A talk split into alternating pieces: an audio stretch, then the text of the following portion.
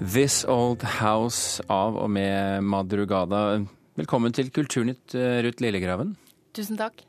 Hva er, eh, om det i det hele tatt er noen kobling mellom This Old House og, og boken du vant med, Urd? Eh, Det er jo en sang jeg er veldig glad i. Jeg er òg veldig glad i gamle hus. Og i den diktsamlingen Urd så, så er det jo et gammelt hus som står sentralt.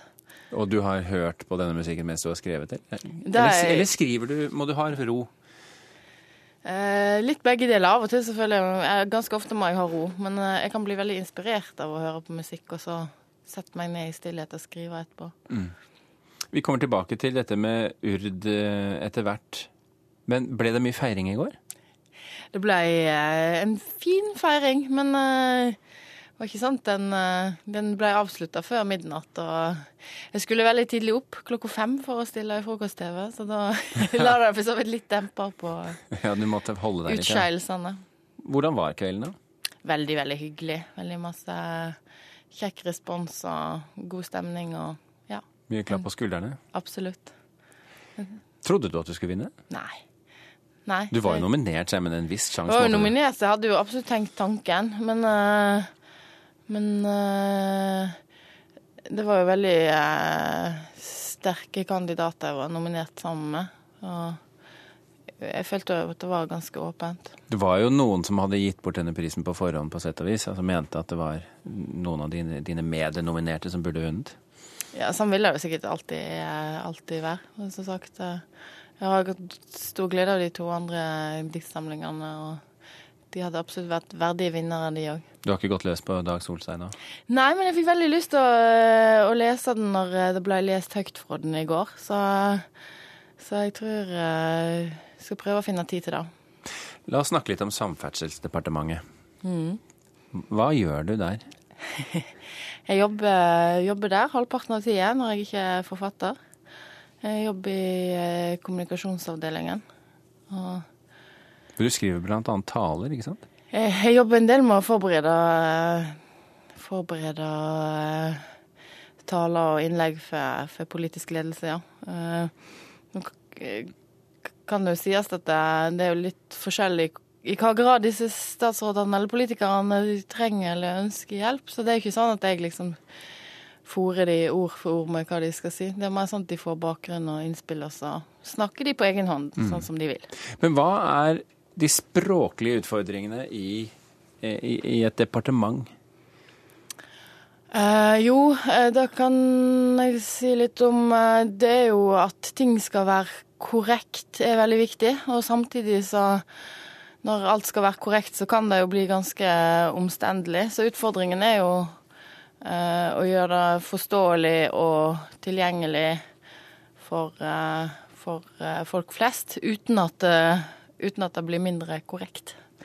Litt som poesi, eller er det en helt far-fetched uh, sammenligning? På mange måter kan du si at det er veldig fjernt fra hverandre, men, eh, men det og, Det har noe med presisjon å gjøre, tenker jeg. Presisjon, ja. Økonomisere med språket og, og prøve å få sagt uh, ting av og til med, med færrest mulig ord. Det er noen paralleller der, ja. Og færrest mulig ord. Du kommer ikke noe særlig mye kortere ned enn du gjør i tittelen på denne boka. Nei, den er kort. Tre bokstaver. Ja. Ja. Hva er urd? Urd eh, For meg så var det først bare et, eh, et eh, veldig gammelt ukeblad som kom ut på første halvdel av 1900-tallet, som jeg sjøl hadde sett hjemme på den gården jeg kommer ifra.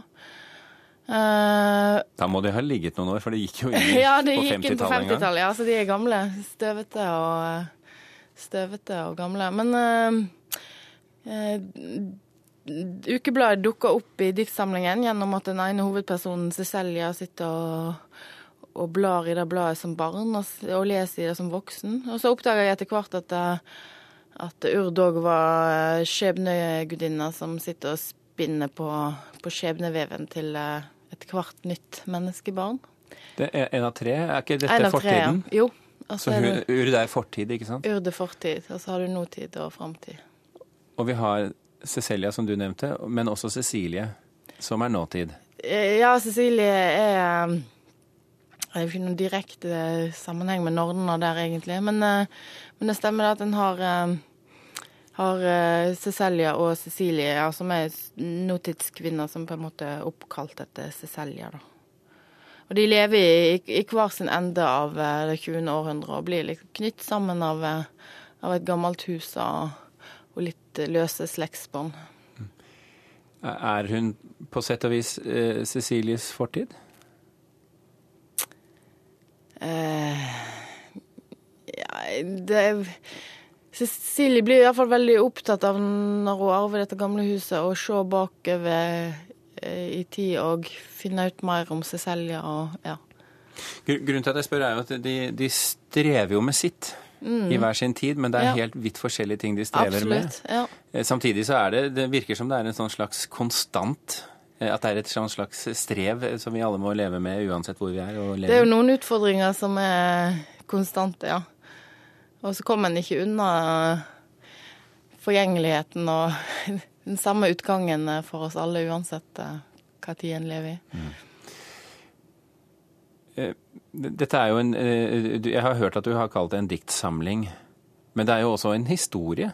Mm.